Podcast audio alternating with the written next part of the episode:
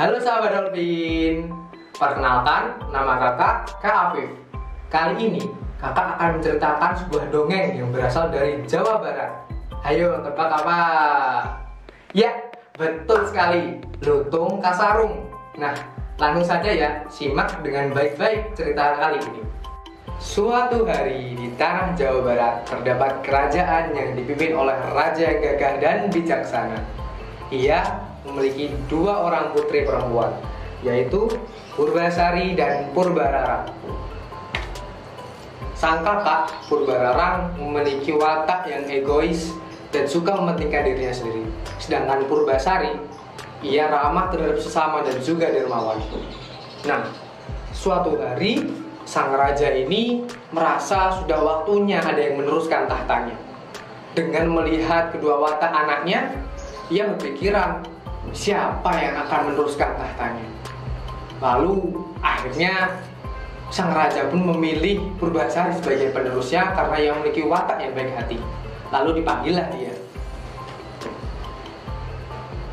Purbasari, ayahmu ini sudah tua, sudah saatnya ada yang meneruskan tahta kerajaan ini. Aku memilihmu sebagai ratu selanjutnya. Apakah kamu bersedia, Purbasari? Iya, ayah. Purbasari bersedia. Lalu, akhirnya Purbasari pun dicalonkan sebagai ratu kerajaan. Namun, sang kakak Purbararang merasa iri dengan pencapaiannya. Ia merasa harusnya Purbararang lah yang menjadi ratu bukan Purbasari. Dan dengan wataknya, ia merencanakan sesuatu yang licik. Ia ingin mengutuk adiknya sendiri. Lalu Purbararang pun datang kepada nenek sihir. Nenek sihir, aku membutuhkan bantuanmu. Iya, nak Purbararang, kamu membutuhkan apa? Aku ingin kutukan kulit yang sangat susah diobati Hmm, untuk siapa kutukan ini? Kutukan ini untuk adikku, Purbasari. Karena aku merasa seharusnya aku yang menjadi keratu kerajaan ini, bukan Purbasari itu. Hmm, baiklah Tuan Putri. Akhirnya, nenek sihir pun mengabulkan permintaannya. Dan keesokan harinya, kulit Purbasari berubah menjadi bercacar-cacar dan mulai bintik-bintik aneh ia mempunyai penyakit kulit dan sangat aneh dan juga dibenci oleh seluruh warga desa. Akhirnya ayahnya pun menimbang-nimbang dan memutuskan untuk Purbasari tidak menjadi ratu di kerajaan itu dan dia diasingkan di hutan. Purbasari, engkau mempunyai kulit yang sangat busuk dan juga penyakit yang aneh dengan berat hati, ayah mengasingkanmu di hutan. Hmm, iya ayah. Purbasari pun pasrah dengan keputusan ayahnya. Lalu Purbasari pun diantar oleh pamannya di hutan. Hmm. Purbasari, paman hanya sanggup bisa mengantar sampai di sini. Jaga baik-baik ya diri kamu. Kelak sebulan sekali paman juga akan menengokmu. Iya paman, terima kasih.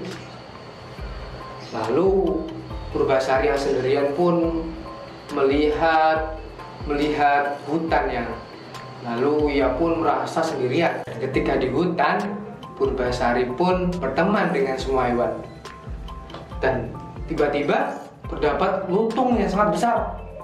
Awalnya Purbasari pun ketakutan. Tapi lutung kasar pun memulai pembicaraan. Hei, kamu siapa? Aku Purbasari. Kamu siapa? Aku Lutung Kasarung. Awalnya sang putri pun ketakutan. Bagaimana mungkin seorang lutung bisa berbahasa manusia? Jangan takut Tuan Putri.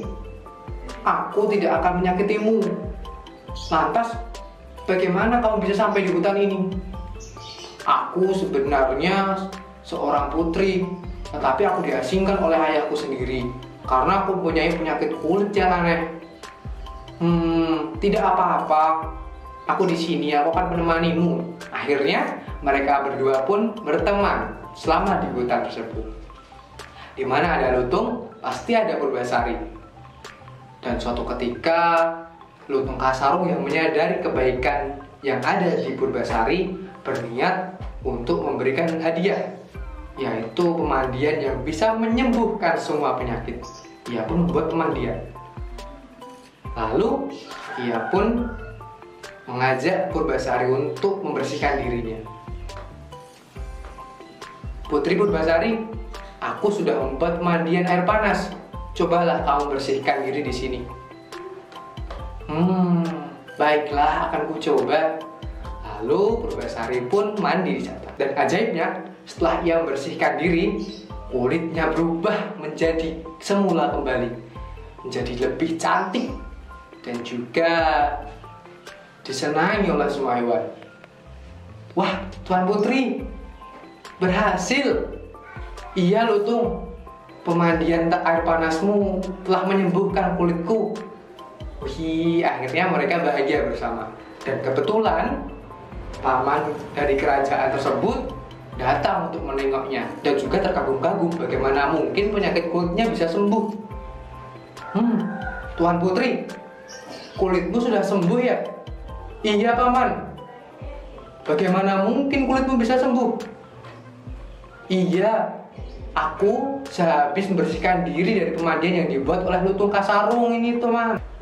Oh, begitu. Ya sudah, ayo ikut paman ke kerajaan. Baik, paman. Tapi aku mempunyai satu syarat. Apa itu, Tuan Putri? Aku mau ke kerajaan asalkan aku ditemani lutung kasarung. Ia yang sudah menyembuhkanku. Baiklah, Putri.